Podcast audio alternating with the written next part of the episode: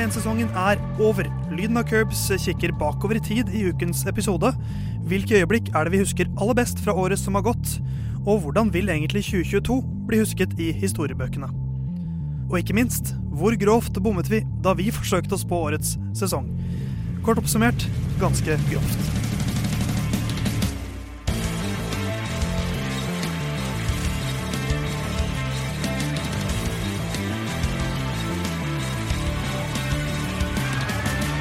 November drar seg mot eh, desember, og pga. Uh, litt fotball i Qatar, så er Formel 1-sesongen allerede over i årets uh, sesong. Men vi i Lina Curbs vi har ikke tenkt å gi oss uh, med det første, vi.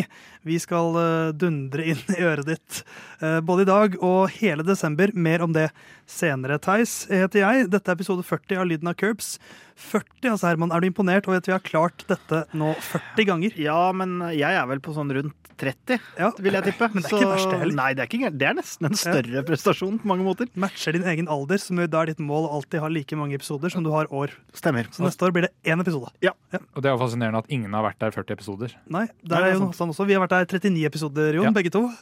Så eh, vi får se hvem som stikker av gårde videre inn i, i, 2023. Men sesongen er over. Så går det greit med deg, Jonathan, selv om eh, Formel 1-sesongen er over? Ja, det er jo alltids alltid eh, litt eh, kjedelig når de, det rutete flagget er veiva for siste gang for sesongen.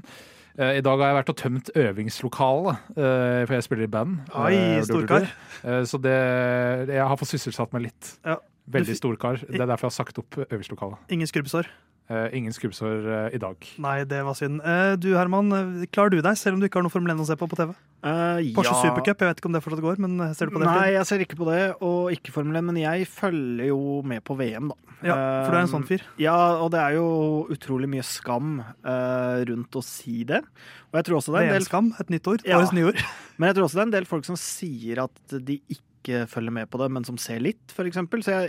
Men for min del blir det for paradoksalt å ha liksom en podkast om Formel 1 som på mange måter er uh, like skittent, og så ikke se VM. Selv om det er en del enkelthendelser og sånn der som er ja. veldig konkrete. Jeg, så jeg kan skjønne de som ikke gjør det, men for min del gir det noe mening. da. Også, men, men, men, eh, bare det at man nå, eh, sånn som du følte nå, det var ingen av oss som presset deg noe som helst, men du følte at du måtte forsvare at du ser på VM i Qatar. Ja. Og bare det er et tegn på at man har fått til et eller annet. Ja da, og det er jeg helt enig i. For du har tenkt over det? Ja, og, det mange, og, jeg er enig i at ikke det er like morsomt som andre VM, og at det er litt mindre interesse også for meg, men men uh, ja, nei, det, det, er som du sier, det er, det er, nok mange som har måttet gå en runde ja. med seg sjøl. Jeg, jeg, eh, altså, jeg, har ikke sett på det nå, og jeg kommer ikke til å love at jeg ikke ser på det. Men eh, jeg har ikke tatt noe aktivt valg til det. Og om det hadde gått på sommeren, kan godt hende jeg hadde sett mer. Det jeg derimot har gjort, er å se fire timer Fifa Uncovered-dokumentaren på Netflix. Anbefales? Jeg er veldig Eh, du får alle fordommer selvfølgelig bekrefta, men eh, anbefales veldig. Det er litt deilig å få fordommer bekrefta til. Og så gleder det meg at dette store, stygge teltet på Jonstorget er ganske tomt for tiden. Ja. Der de viser masse VM-kamper, og så er det nesten ingen som er der. Som, eh, som, gjør at jeg gleder meg litt. Det gleder jeg meg over nå for tiden. Men vi har jo en episode planlagt for deg der hjemme i dag. Og det er den 40. episoden av Lyden av Curbs, og da glemte jeg nesten at jeg pleier å dra inn Jeg glemte nesten min favorittdel. Men jeg har selvfølgelig klart å knytte tallet 40 opp mot eh, dagens episode også. Eh, det er juletid eh, nå. Vi nærmer oss desember. Det er spesielt i år mange som har litt ekstra trang økonomi, men ikke Formel 1-gutta. For da Max Verstappen signerte ny kontrakt, så er det rapporter som sier at han tjener 40 millioner pund i året som grunnlønn. Og pluss bonuser så nærmer han seg 60 millioner. Men da 40 millioner som grunnlønn, som visstnok er ca. det samme som Louis Hamilton tjener. Mm. Så ca. 40 millioner uh, pund er det de beste Formel 1-gutta tjener. Det kan jo du tenke litt over uh, når, når, du, når, du, hører dagens episode. Og vi, så, vi, får jo det samme her. Ja, eh, 40 millioner pund.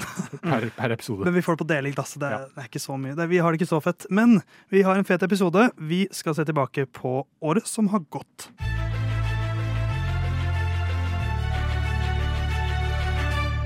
Noe som har skjedd i året som har gått gjennom disse 40 episodene, er at vi har oppsummert 22 Eller 23?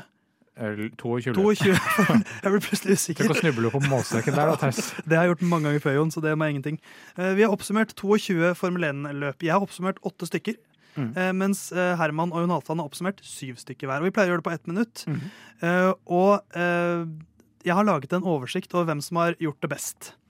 Men dere har jo da gjort én mindre enn meg, så det er jo ikke rettferdig. Så da trenger vi at dere begge to oppsummerer noe. Eh, så da har dere fått i oppgave å oppsummere årets sesong som helhet ja. på 60 sekunder. Enda mer utfordrende oppgave, kanskje, men dere har fått den. Eh, og da tenkte jeg kanskje at Jon Halvdan, du skal få begynne. Skal jeg få begynne? Ja, For jeg ser for meg at du har kanskje forberedt deg best.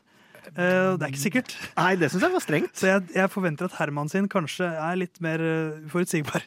Men, ja. men Jon, du har Og dette kan kanskje påvirke hvordan vi ligger an i sammendraget. Min, min skjebne er jo doomed, på en måte. Men kanskje ja, er det noe å snakke for. Så Jon, 60 sekunder. Oppsummer 2022-sesongen i Formel 1. Klar, ferdig, lights out. Etter vintertestinga så Ferrari sterkest ut, etterfulgt av en tilsynelatende rask Red Bull og en Mercedes som det var vanskelig å avgjøre løpstempo til. Ferrari så sterkest ut i første løp i Bahrain, og Red Bull så ut til å ha driftssikkerhetsproblemer da begge bilene måtte bryte de siste rundene. Etter Australias Grand Prix leda Charlie Clair med over 40 poeng på Max Verstappen. Det så ut som mesterskapet raskt ville bli avgjort hvis ikke Red Bull fikk orden på driftssikkerhetsproblemene sine. Det gjorde de, og sesongen så dermed raskt ut som en enmannsshow med Max Verstappen i hovedrollen. Selv om Red Bull og Verstappen har vært gode, så er det konkurrentene som har gjort dem suverene. Ferrari har også problemer med driftssikkerhet, i tillegg til en litt krasjete Leclerc og ræva strategisk avdeling. Og Mercedes og Sergio Perez var rett og slett for treige. Sesongen kan kanskje best oppsummeres med videoen der Formel 1 skulle oppsummere sesongen og de høydepunktene de viste fra Japans Grand Prix. Max Verstappen og Charles Leclerc fighta inn i sving 1, for så å klippe til at Max Verstappen vinner løpet. Jon, det, du har skynda deg her 55 sekunder. Oh. Så du er fem sekunder på undertid. Jeg måtte ta inn svelginga. Men jeg, eh, vi har jo tidligere snakka om at man føler et press. Ja, man, og nå fikk jo jeg kjenne på en sånn nemesis-følelse.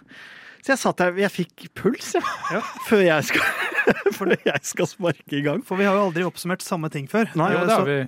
Har vi det? Ja, jeg hadde ja, var... dikt, og Herman hadde noe ja, ja, stemmer. annet. Stemmer kanskje.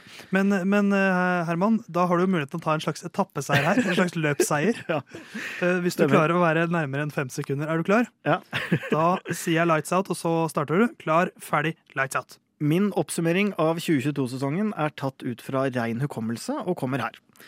Red Bull og Max Verstappen var overlegne både i bilen, på pitwall og i lobbyvirksomhet når diverse bomber ble detonert. Mercedes og Hamilton har et voldsomt uår hvor ingenting fungerer, og på mange måter er det symptomatisk at deres eneste seier går til George Russell. Ferrari har egentlig en kjempefin sesong, men vil alltid bli huska som en katastrofe med strategifeil, biler som går i stykker, og til slutt en sjef som slutter, eller må slutte. Utover det handla mye om førerkontrakter, en alpinjunior som ikke vil kjøre for de, det vil jo egentlig heller ingen andre. Man vil kanskje også huske at Latifi omsider mister sitt sete i Formel 1 til en egentlig ingen har hørt om, og, og at Mick Schumacher og Sebastian Fettel er ferdig i Formel 1. Den ene vil huskes som en legende, den andre vil per nå huskes som en som må være sønn av en legende og en god venn av Sebastian Fettel, som også er en legende. Det var litt sånn krokete på, ja, på, slutten. Men Herman, all snublinga der gjør at du klokker inn på 58 sekunder. Ja, så du, etappeseier. Du tar etappeseieren. Eh, og da har jeg våre eh, komplette hva skal man si, kontoer for årets sesong. Eh, nå kommer regnskapsføreren og har slått sammen alle tallene. Starter bunnen. Vi starter i bunnen. Jeg åpnet jo grusomt. Eh, det er ingen hemmelighet. og fortsatte grusomt. Før vi på, nei, faktisk ikke, Jon. Den vil jeg ikke ha på meg. Men, men de to første i Bahrain hadde 1,23. Det er jo klart, det er ikke bra, det. Eh, og så fulgte jeg opp med 42 sekunder i Mila Romania, en slags superkompensasjon. Og jevnt over, jeg har bomma med 61 sekunder. Ja, uh, for, for, etter det så var jeg ganske grei sånn, pluss-minus fem sekunder ish. Uh, ja, så du har bomma med 61 sekunder totalt? totalt, ja. totalt. Det er jo ikke gærent. Nei, hvis du da fjerner de to første, så er jeg faktisk ganske god. Men de må vi jo ta med. Uh, og så er det andreplass, for det, det, er, det er store forskjeller, altså. Andreplassen har 45 sekunder, og det er deg, Herman. ja, det kan jeg skjønne. Med... Så da blir 48 sekunder, nei, 47 sekunder med de to siste du fikk her nå. Ja, ikke sant. For de glemte jeg å legge med. Men 47 sekunder på deg. Så du eh, slår jo meg ganske greit. Mm. Men det er, eh, det er en klasseforskjell-kar her som heter Jon Halvdan. 24 sekunder. Oh. Bommer du med totalt. Det er inkludert de fem sekundene nå? Ja, inkludert de fem ah, sekundene nå, som var under 20. Uh, Ja, men den, den siste runden din her nå din verste prestasjon i hele år. da kan vi snakke om å kjenne på presset, da. Ja. Da var det ikke bare meg. Og så er det to mann som har klart å være ett sekund unna. Uh, og det var meg i Brasil og deg, Herman, i Singapore. Ja. Så, vi, vi har høyere toppnivå. vi, har, vi har høyere toppnivå. Men uh, det var vår oppsummering av sesongen. To litt sånn ulike sesongoppsummeringer. Mm. Men nå skal vi gå litt mer i dybden på det. Hva husker vi aller best fra året som har gått?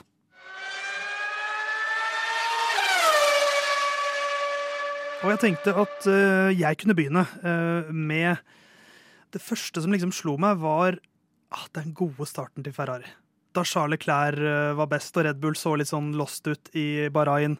Og man, jeg satt og tenkte herregud, er det i år det skjer? Er det i år Ferrari virkelig skal reise seg?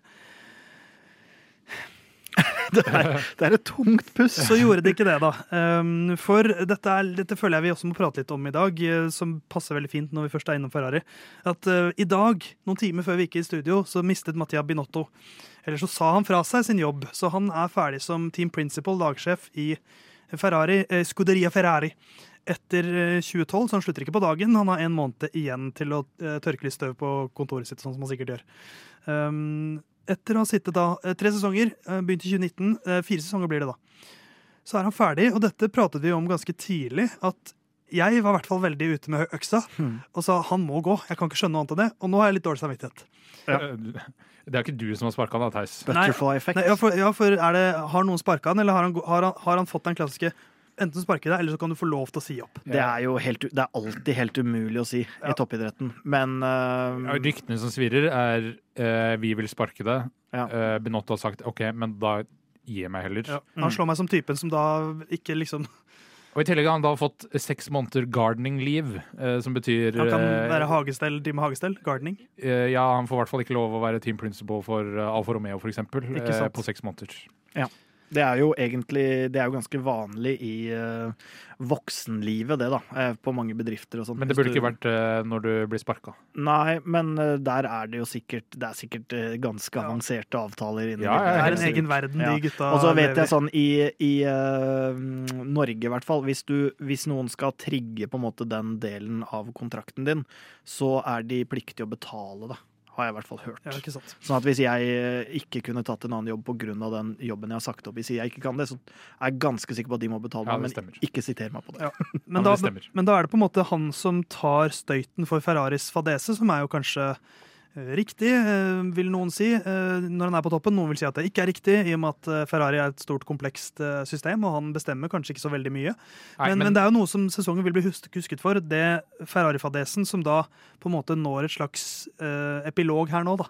Ja, og jeg har jo kanskje ikke nødvendigvis vært fanebærer i Ferrari-kritikktoget, men Eh, jeg har i hvert fall ikke lagt noe imellom. Du holdt det som dusk? Ja, i hvert fall en dusk. det var jeg på 17. mai. Ja. Det var stort. Eh, men, men jeg, eh, han, altså det har skjedd mye rart i Ferrari, og de har problemer som jeg sier at det vil være vanskelig for de å i det hele tatt vinne noe, med, med mindre de gjør noe. Og Binotto kom inn med en no blame culture i Ferrari. Eh, og det har eh, CEO bestemt at jo da, vi har en blame culture, og det er deg. Eh, så nå skal du ut, og så er vi tilbake igjen til samme greia som gjør at ikke de har vunnet et førermesterskap siden 2007. Eh, så eh, jeg skjønner ikke hvorfor de velger å gå ned den ruta her. Jeg mener at det er en tabbe. Samtidig så kan man si det kunne ikke gått annerledes. Men når du ser hvor de kommer fra med den der ræva motoren de hadde etter å ha blitt tatt for jukse eller ikke jukse, uh, uansett, noe skjedde. Uh, over til en andreplass. Ja vel, uh, de har snubla her og der, men en andreplass. Ja. Klart kanskje raskeste bilen i kvalifisering, uansett. Mm.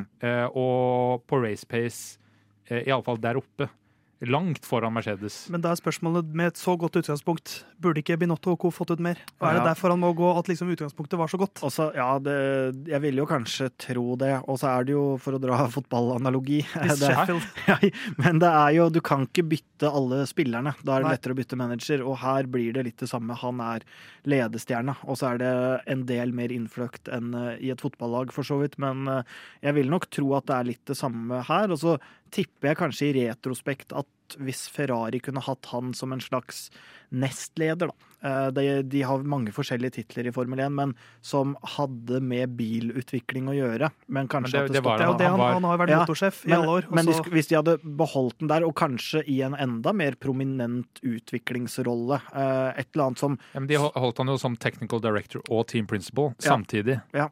De burde nok ikke, i retrospekt, så burde de For det, det er jo gjort en veldig bra teknisk jobb her, eh, på et eller annet nivå, men, men, men han burde nok vært der. Og det er jo et uh, organiseringsproblem at man velger å beholde han i begge to og syns han ikke gjør en bra nok jobb i den ene. Mm. Og heller da bare si OK, vi tar deg bort fra team Principle, setter deg tilbake til bare teknisk sjef, utvikle bilen enda mer og få en Nå skal CEO i Ferrari altså det er liksom Ja, for nå, De avslutter jo sin uh, pressemelding Ferrari med å si at nå, nå begynner jobben på å finne en ny technical director, så vi får se hvem som får den. Uh, også, Fredrik Vassør er uh, ett navn som er nevnt Team Principal i Alfa Romeo. Se opp. Uh, men da Leclerc og Ferrari sin gode start og fadese var noe jeg husket veldig godt. Jon, har du et emne eller en hendelse du husker ekstra godt fra årets sesong? Ja, jeg vet ikke om jeg har sagt det før, men jeg er jo Red Bull og Max Verstappen-fan. så den lille desperasjonen som jeg måtte jobbe for at det ikke skulle krype inn at nå er vi her igjen med eh, problemet med bilen tidlig i sesongen, og det er over allerede etter eh, Australia der og over 40 poeng opp til Leclerc. Da, da måtte jeg passe på å fortelle meg sjøl at det er lenge igjen. Det husker jeg godt.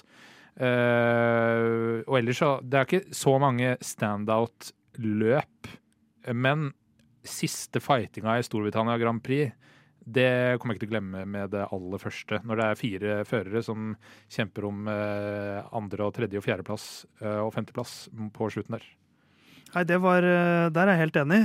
Men da tenker jeg at Herman, du har sikkert en litt annen inntrykk av årets Red Bull-sesong. Har du noe du husker? Ja, jeg har, jeg har notert meg øverst. Jeg, gikk, jeg, har ikke gjort Altså, jeg har gjort Galen, Ederen og galen er sterk i denne mannen. jeg har, gjort, jeg har, gjort, en jobb med forberedelser, men jeg har ikke gjort research, på en måte. Så jeg har tenkt, det er en følelsesbasert. Ja, så jeg har tenkt uh, litt, da. Uh, og det jeg tror som man vil huske sesongen for, er Red Bull Gate uansett hvilken side du står på det, på en måte, så tror jeg enten man vil huske det som at det var veldig urettferdig at de måtte gå gjennom det, eller der jeg er mer, at det var, var fortjent og at de kanskje burde vært straffa strengere. Ja, jeg, så, tror, jeg, tror, ikke du kommer til å huske det ti år fram i tid. Jo, snakker, det tror jeg. Altså, vi snakker jo om eh, hva skal man si, Spygate, Crashgate, men nå er ikke dette på i nærheten av samme Nei, nivå. Det det ikke. så det er jo mye mindre alvorlig, og etterspillet har vært ganske mildt. Ja, men samtidig så er det jo altså, For en annen ting man vil huske, er hvor god Verstappen er og har vært. Eh, og Red Bull og hvor sterke de er. Så, og med alle de snakkisene som er, så tror jeg man vil huske Red Bull og, at, og det røret som har vært. da. Også for så vidt Peres. Eh, men, men, det har så mye å si ikke sant, hvordan, hvordan framtida blir. Hvis Red Bull plutselig har et dårlig år neste år, ikke sant? så vil det jo være veldig åpenbart at å ja, det var derfor de var gode. Altså, Uansett om det er sant eller ikke, hvis de har et dårlig år neste år. Jeg vil ikke si at det er veldig åpenbart. Nei, men, Eller hvis f.eks. Peres ender opp med å bli kasta ut midtveis i sesongen, så vil man jo til ah, ja, den krangelen. Ja. Så det er jo mange sånne ting som vil påvirke ettermælet. Men jeg tror man vil huske Red Bull og det utenomsportslige. Ja, ja, for det, det, Red Bull sin dominans er liksom så Den preger hele sesongen, så den er vanskelig liksom å huske som et øyeblikk. Men mm. for meg, det, det mest minneverdige Red Bull-øyeblikket for meg i år er uh, Brasil med uh, Verstappen som ikke vil si gi, fas, gi, flas, gi, fas, gi fra seg plassen til, til uh, Peres. For det, det, det festa seg veldig ja. hos meg. Jeg er veldig sånn fan av uh, god lagånd, mm. uh, og det var liksom det motsatte. Så den, den, det var en sånn stein på Verstappen for meg som jeg tror tar tid før slipper. Um, jeg, jeg, har, jeg, har, et annet punkt som jeg har lyst til å, som sitter igjen som en slags helhet for meg i år. Mm. Og det er setningen 'regnvær er ikke lenger noe gøy'. Ja, ja ikke sant. Uh, og det endra seg veldig. Det, det, det, var et skille for meg i år. Hvor sånn cirka på høsten her en gang så var jeg sånn veldig tydelig endring i hodet mitt da jeg så på værmeldingen og var sånn Ah, shit, det er regn. Og da slo ja, det, det skjedde jo etter Belgia i fjor. For meg, da iallfall. Ja, men, den, ja, men det var for tidlig å konkludere. Ja, for da var det mer sånn Den varte inntil i år for meg, og, da, og nå Og det, det, det, gjør at jeg blir sånn urolig, fordi da mister Formel 1 noe veldig hvis man bare kan kjøre fint vær. Men eh, de snakker jo allerede om uh, sånn uh, Sprutelapper? Ja, skvettlapper, heter skvettlapper. det. Uh, hva er det man kaller det på sykkel? Sånn Skjermer. Skjermer, ja. Skjermer på dekka. kanskje så tidlig som midten av 2023-sesongen. Ja. på dager hvor det er liksom, dette er erklært et vått løp. jeg håper at de får på plass det. Og clip-ons. Ja. Sånn som du har på sykkelen din, som du tar rundt uh, setepinnen. Ja, jeg mener at vi burde jo klart kunne feste de på en eller annen merkelig måte på uh, wet decks, men uh... Ja, men det er jo altså hvis Wet, wet decks. Våte terrasser.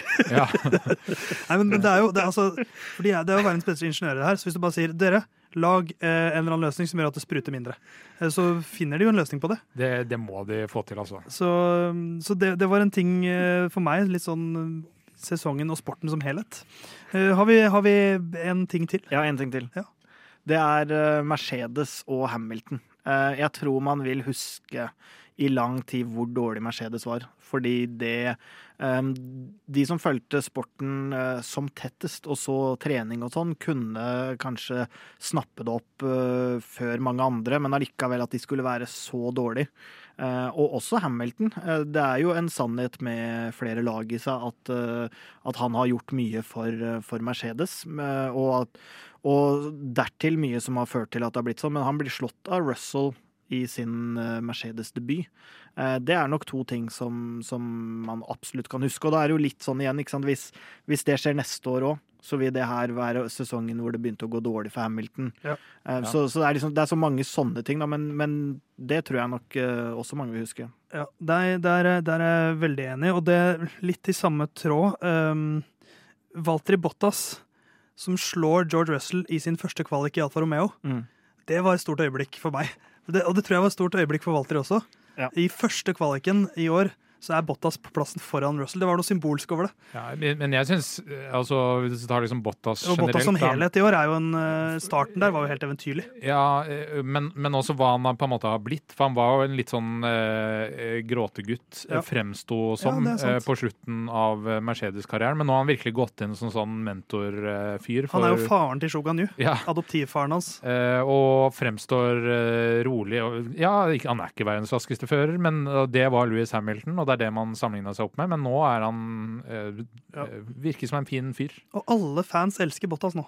Det er, mm. ingen, det er ingen sånn, noen negativitet. Det var litt uh, edge rundt uh, altså Når du er i storlag, så er det alltid noen som ikke mm. liker deg. Jeg var bare litt skuffa over at han ikke kunne gjøre det til mer fight. Litt som Peres i år. Ja, ja, ja. Men det, det, er jo kanskje det som, som, smitter litt over. Så Bottas for meg er også stor, et stort minne fra i år. Jeg føler han går litt inn i en sånn uh, med Altså ikke, ikke, i nærheten av så ekstrem, men litt sånn Kimi Raikon-vibes. Med litt sånn neppe og fin og ikke like sånn Jeg syns aldri Raikon har vært så veldig morsom, jeg, da. Men, men liksom, altså, den ånden ja. hans har aldri jeg kjøpt helt. Men, men litt ja, sånn lugn og, lugn og, fin. Og, ja. han, er, han, er på en måte en, en litt mindre asosial Raikon. Ja. En litt mindre opp... en, en Raikon som bryr seg litt mer. Um, men en, en, annen ting jeg vil huske, er jo uh, Zhu Ganyo uh, som snurrer. og inn bak i det gjerdet. Eh, det ja. var vel Silverstone, var det ikke? Yes. Eh, hvor eh, også da Russell stopper, går ut av bilen for å hjelpe. De bildene når han og litt sånn, vi, vi, hadde sikkert litt skrekken i oss alle sammen etter den Grosjan-hendelsen året før. Um, sånn at det er, det er, sikkert litt Eller to år før, var det da. For det var 2020. Ja, men altså, man, man det var, lenge, det var lenge siden vi hadde sett liksom det at man ikke filmer noen og viser hva som skjer. på en måte. Det er, det er jo forbundet med noe negativt for, for, oss ganske ferske seere. Så når den plutselig går på, på huet inn der og inn i gjerdet og Russell står oppå Det er ganske spektakulære bilder, rett og slett. Og jeg tror, tror det, er, det, er, egentlig et slags høydepunkt for min del. Ja. Um, og viser veldig human side da, av Russell, som dere hater. Ja. Alt, alt er, dette er bare imaging. Ja. Men uh, jeg har lyst til å bare dra gjennom noen eh, innspill fra lyttere også. Uh, som nevner ting som vi også har vært innom. Kristoffer Eid, uh, Louis sin forbikjøring på Silverstone. Mm. Uh, hvor han tok en sånn dobbel, uh, dobbel passering ja, der. Det er vel to andre Jeg husker ikke, Er det Peres og Sainz eller ja, noe, sånt, noe som fighter, og så kommer han som tredje person der? Ole Røsvik nevner også den. Kristoffer drar også fram Kevin sin pole position, som selvfølgelig også ja, mange kommer til å huske. Ole tar også med seg Bottas, som litt, går litt sånn ut av skyggen og mm. får stråle litt selv. Og Dennis Hauger sin seier i Monaco den trekker også Marius Pedersen fram.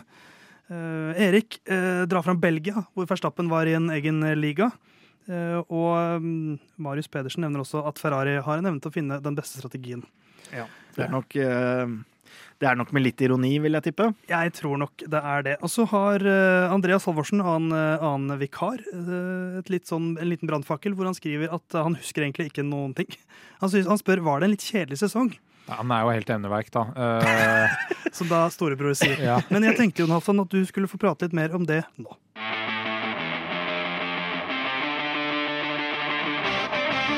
Altså ikke om du syns din bror er evneveik, men, men, litt mer om sesongen sånn Hvis vi zoomer ut og ser på 2022-sesongen Vi snakker ofte om liksom 2012-sesongen, eh, fjorårets, eh, sånn episke duell mellom Verstappen og Hamilton. Det, er sesonger som kommer til å bli husket mm. sånn om 10-15 år også. Men 2022-sesongen, vil den bli husket, Jon Halvdan? Eller var det, det Det skulle jo være en ny æra. Det skulle være masse spennende racing. Ja. Og så skades man kanskje litt av at ett lag bare er klart bedre enn alle andre. Ja, det er jo klart når du vinner eh, Hvor mange løp ble det til slutt? 15? 16 av 22? Noe sånt. Eh, så eh, eh, blir Altså, det kommer jo til å prege, og eh, langt fram i tid så tror jeg man kommer til å huske det som en dominant sesong. Eh, men inni der så hadde det også vært 19 seire, faktisk. Ja, å, ja såpass. 19 seire. var det til Red Bull, eller? Eller nå tror jeg kanskje jeg bomma, men jeg skal sjekke igjen. ja, uansett, vi tar det etterpå. Uh, det, men det var løp som altså Spa var jo liksom greit nok, men da hadde Red Bull en mye bedre bil enn hele resten av feltet. Mens Ungarn-seieren uh, fra tiendeplass med en snurring underveis, den syns jeg liksom fremstår som mer imponerende også, fordi det er en litt vanskelig uh, bane å kjøre forbi. Men hvis du tar bort dominansen Når snakka deg bort? Nei, hvis du tar bort dominansen fra Red Bull, så syns jeg at sesongen er positiv eh, i at de kan følge tettere. Og eh, man hadde løp nå som var eh, flest overtakes siden 2012. Så man er liksom på riktig vei, forutsatt at bilene blir jevnere. Eh, og det er en veldig stor stjerne ved det svaret, eh, om man er eh, på vei riktig. Men jeg har sagt det før, 2021-sesongen skulle ikke eksistert. Så man kan ikke bruke den som rettesnor, man må bruke 2020. Fordi eh, bilene ble bare så vidt endra eh, på regel til eh, en post korona-sesong. 17 seire var det de ja. fikk, forresten. Men, og jeg, du sa noe tidligere, Jon, som har blitt litt ved meg, og det var at Uh, Verstappen er best. Nei, men, men, at Ja, det er et ha-ha, Herman, men, men at uh, regelendringene har, har liksom De har styrtet et, et, um, hegemoni. et hegemoni. Og det har endret på dynamikken, og det har gjort en ganske tydelig endring, for Mercedes har vært så klart mye bedre enn alle andre i mange år. Og disse regelendringene har, har, har endret. De har kast, shaka litt, de har stokket om på kortene. Nå er det liksom en litt ny verden. Og det eh, tror jeg kanskje det vil bli husket som.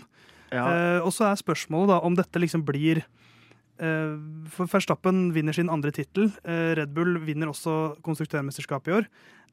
Det kan bli husket som liksom sesongen der Red Bull-hegemoniet startet igjen. Ja, og sånn på generell basis så er ikke jeg noe glad i at, at man skal måtte gjøre om altså Jeg skjønner mekanismen i Formel 1, det er ikke det. Jeg skjønner at ikke det her er bestemt fordi nå har Mercedes vunnet for mange.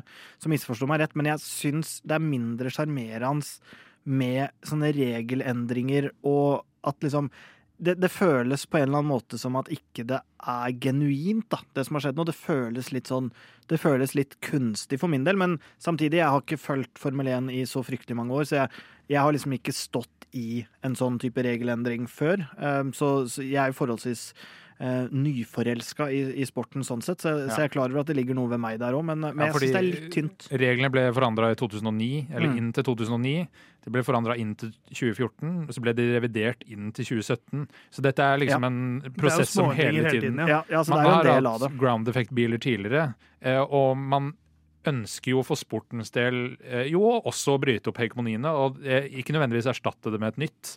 Men sånn, hvis du ser differansen Red Bull, Ferrari Hvis du tar bort alle de tinga som de har gjort galt, mm. som er deres feil, eh, men hvis du ser liksom på bilutviklinga, så er Ferrari mye tettere. Og Mercedes er mye tettere nå på slutten av sesongen ja. enn det uh, bilene var til Mercedes i starten uh, 2014, altså starten på turbohybrid-æraen.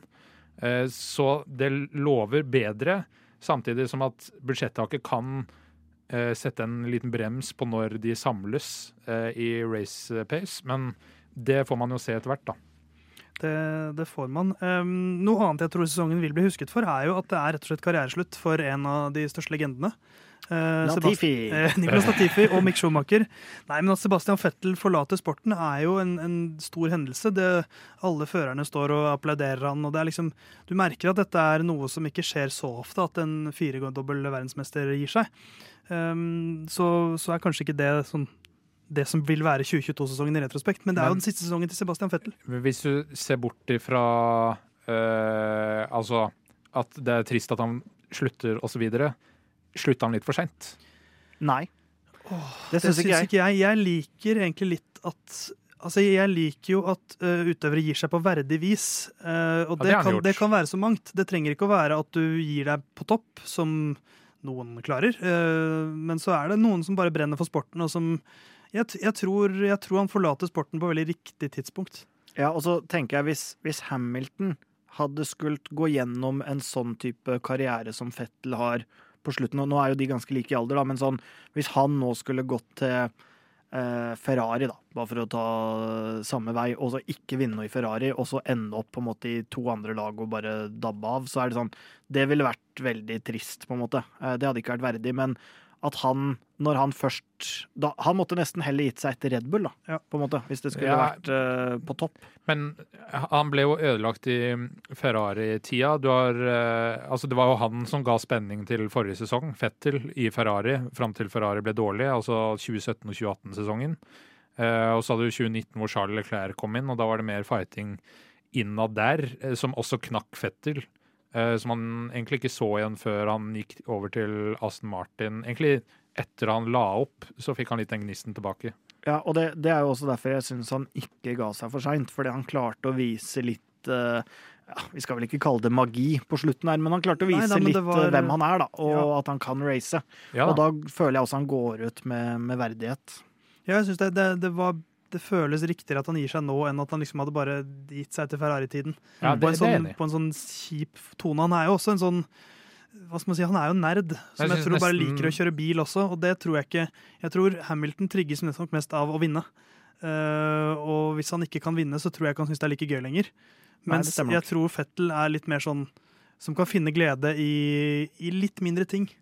For ja. han tror jeg bare er mer genuint glad i å kjøre bil. Så, ja, Fettel har jo øh, Og det altså, han er jo kan jo alle, Han kan jo alle verdensmesterne på rams, det kan ikke Hamilton. Ja, han er en Formel 1-nerd, men han har også familie, som er jo det han velger ja. å prioritere nå. Uh, men Uh, ja, jeg syns enten uh, bitte litt for seint eller litt for tidlig. Han, jeg mener han hadde mer å vise i, i uh, Aston Martin. Ja, det, det, mener jo egentlig jeg. Jeg skulle veldig gjerne sett uh, Fettel et par sesonger til. Gjerne kasta ut Stroll og fått Fettel og Alonso. Fettel Alonso, ja. Det var kult. og Hamilton er to år eldre. Ja, det er faktisk smått sjukt.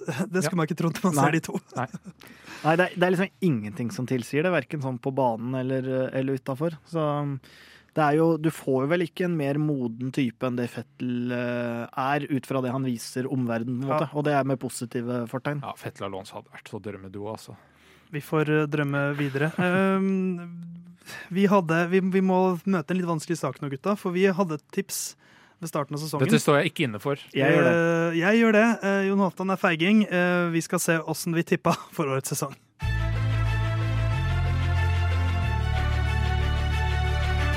Vi hadde et tips i starten av sesongen hvor vi trakk ett og ett navn og plasserte de over eller under hverandre, og så fant vi fram til vårt offisielle tips for årets VM. Um, ehm, og det uh, kan jeg bare med en gang si at vi bomma ganske grovt.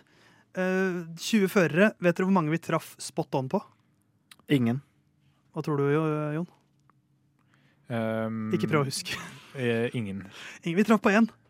Charlie Clair. Sjuendeplass, Landon ja. Norris. Oh. Den traff vi på. Det var den eneste vi traff på. Eh, jeg kan dra gjennom noen av våre største blemmer. Den vi bommet mest på, det var faktisk, faktisk Esteban Ocon. Vi tippet han på 15.-plass, eh, og han ble nummer åtte. Så vi bomma med syv plasser ja. på, på, Ocon. Og det, det, det, det ser man litt i tipset vårt, at vi hadde også da Gasly og Sunoda hadde vi begge to seks plasser for høyt oppe. Mm. Uh, på, uh, på, Gasly tippa vi på åttendeplass og Sunoda på ellevteplass. Uh, at Alfa Tauri skulle gjøre det så dårlig, det så ikke vi komme. Nei, for det er 14 og 17, er det det? Ja, så de, de bomma vi ganske grovt på. Um, og så er det jo litt sånn annet, annet uh, småbom, selvfølgelig. Det er det jo. Uh, men vi hadde jo riktig topp uh, seks, men i feil rekkefølge. Ja, For hvem, hvem var vår verdensmester? Det var Louis Hamilton, altså. Ja, det var Selv ikke om, min verdensmester. Nei, men det, det, blir sånn, det blir sånn Trumpsk logikk. At ja. Ikke min president. Ja. Det, der, det, der, er jeg ikke med på, Jon. Jeg gidder ikke å se på deg. jo, jo, jo, jo. Jeg gidder ikke se på deg. Nå ser jeg bare på deg og Dice. nei, vi, vi, vi, sa jo at Mercedes kommer. Ja, eh, ja, The Empire var... Strikes Back, sa vel du, Theis? Ja, det er jo en fin film, det. Ja. Men eh, det skjedde ikke i år. Så vi tippa Louis på, på førsteplass. Han ble jo da nummer seks. Så det var fem plasser for høyt oppe. Ja, det er litt mye. Så, vi jo, så, så, så, så vi jo en god Red Bull-sesong likevel, da, i og med at vi hadde Max på andreplass. Ja. Eh, og så hadde vi George Russell på tredjeplass. Han ble nummer fire. Og Carlos Sainz på fjerdeplass. Han ble nummer fem. Charles Clair og Sergio Perez de satte jo vi på femte- og sjetteplass. De ble da nummer to og tre. Så vi bomma veldig. Ja, men på, på mange 6. måter, i hvert fall i den grad vi diskuterte og argumenterte, så vil jeg jo si at de to største bommene som jeg husker, er jo uh, Hamilton, åpenbart. Men der, der, var vi også enige om at uh, vi kan ikke sette en, uh, en så merittert type Vi kan ikke liksom ikke tro på det. Eh, så burde vi jo ikke gjort det, da, selvfølgelig. Men også signs over Leclerc. Er jo også, selv om det ja, bare skiller én plass de to imellom. Ja, hvis du ser bort fra de to uh, uh, Utregninga på Peres er riktig. Det er bare svaret som er feil. Ja, ja. Så vi hadde fått et halvt poeng på en matteprøve fordi at du har liksom Du, du har, tenkt, brukt, du har tenkt, tenkt, ja. riktig, men du har gjort en følgefeil i sted. Men så hadde vi fått minuspoeng for den science... Uh, logikken ja. vår, som var at han var jevnere, og at han ville være en tryggere valg og ta over, ikke være så rask som Leclerc, men over tid ta flere poeng. Men men jeg står for det, fordi eh, han var jevnere, men han, han bilen brøt hele tiden. Veldig, men da må, stå, da må, dere nesten stå for den neste år òg. Ja, ja, ja. ja, ja. Vi, vi, skal, vi, setter det likt neste år. Men, men altså fordi at vi, vi bommer litt i midtfeltet. på litt sånn, Vi så ikke helt at Alfa Tauri skulle fade så, så mye. Uh, vi, vi, så ikke helt at alpin skulle være så bra. Men jeg har lyst til å gi oss litt kudos for at vi, er, vi spotter egentlig ganske godt uh, has at de ikke kommer til å være så veldig gode. For vi, vi har Kevin på 13.-plass. Han, han ble nummer 13, vi hadde han på 14.-plass. Og vi hadde mm. Mick på uh, eh, 17.-plass, han blir nummer 16. så, vi, så vi bommer med én plass på begge de to. Uh, og vi hadde heller ikke noe tro på Williams sitt comeback. Uh, men vi hadde jo da Shogan Yu nederst. Uh, ja, uh, og vi så jo ikke helt Alfa Romeo komme heller, fordi nei, nei. at vi bomma ganske grovt på Bottas også, med seks plasser uh, for lavt nede. Så, men, vi jo, men, vi treffer på en del, og jeg syns egentlig at vi treffer på Has. Det er jeg litt stolt over, for de var det mange som trodde på. Ja, vi så jo litt de testproblemene deres i starten av sesongen, da, men, men likevel. Ja. Men også samtidig fikk de jo en veldig god start, så vi så jo litt dumme ut akkurat da. For de fikk jo, eller særlig da Magnussen, da. Men hvor hadde vi Ricardo? Daniel Ricardo han hadde vi på niendeplass, eh, og han endte på ellevteplass. Ja. Så vi hadde han to ja. plasser bak eh, Norris. Jeg synes jo ikke det er, Vi, vi hadde han bak Norris. Ja, Men vi hadde ikke forutsett det som kom. på en måte. Det hadde vi, det hadde vi ikke. Men, eh, Så det var tippinga vår. Jeg syns jo at det er Jeg syns ikke det er flaut. Jeg syns bare dette beviser hvor vanskelig det egentlig er. Ternekast fire. Ja, ternekast fire. Eh, ternekast tre. Så hva blir det til fire til tre i snitt, da? Cirka. Ja. Men, eh, men det, da har vi sett litt tilbake på 2022. Eh, var dette årets siste episode av Lyna Curbs? Nei da.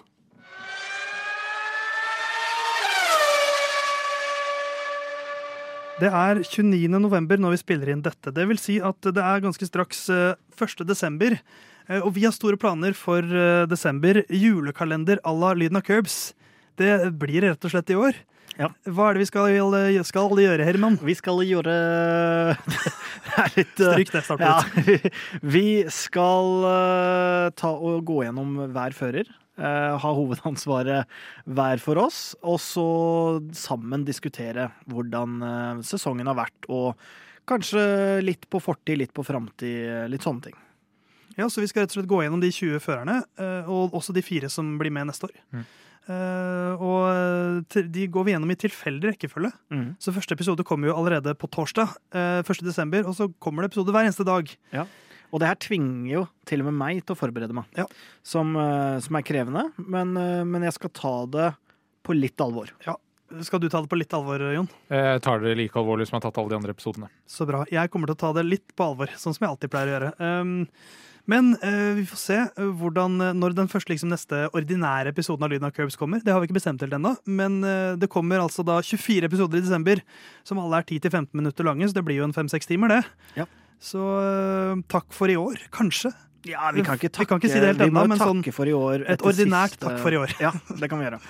Eh, men du der hjemme, tips gjerne en kompis eller en kompisinne eller noe annet om eh, en uh, podkast som heter Lyden av Curbs. Og nå kommer vi til å teppelegge sosiale medier òg. Ja, for nå skal vi jo faktisk gjøre en jobb. Vi, kom, vi kommer på TikTok. Jeg outsourcer uh, hovedansvaret, på en måte, til, til dere. Ja, det er som det pleier å være. Men det er fint at selv etter 40 episoder så er vi akkurat som vi pleier å være. Så Lyn og Curbs er tilbake før du aner det.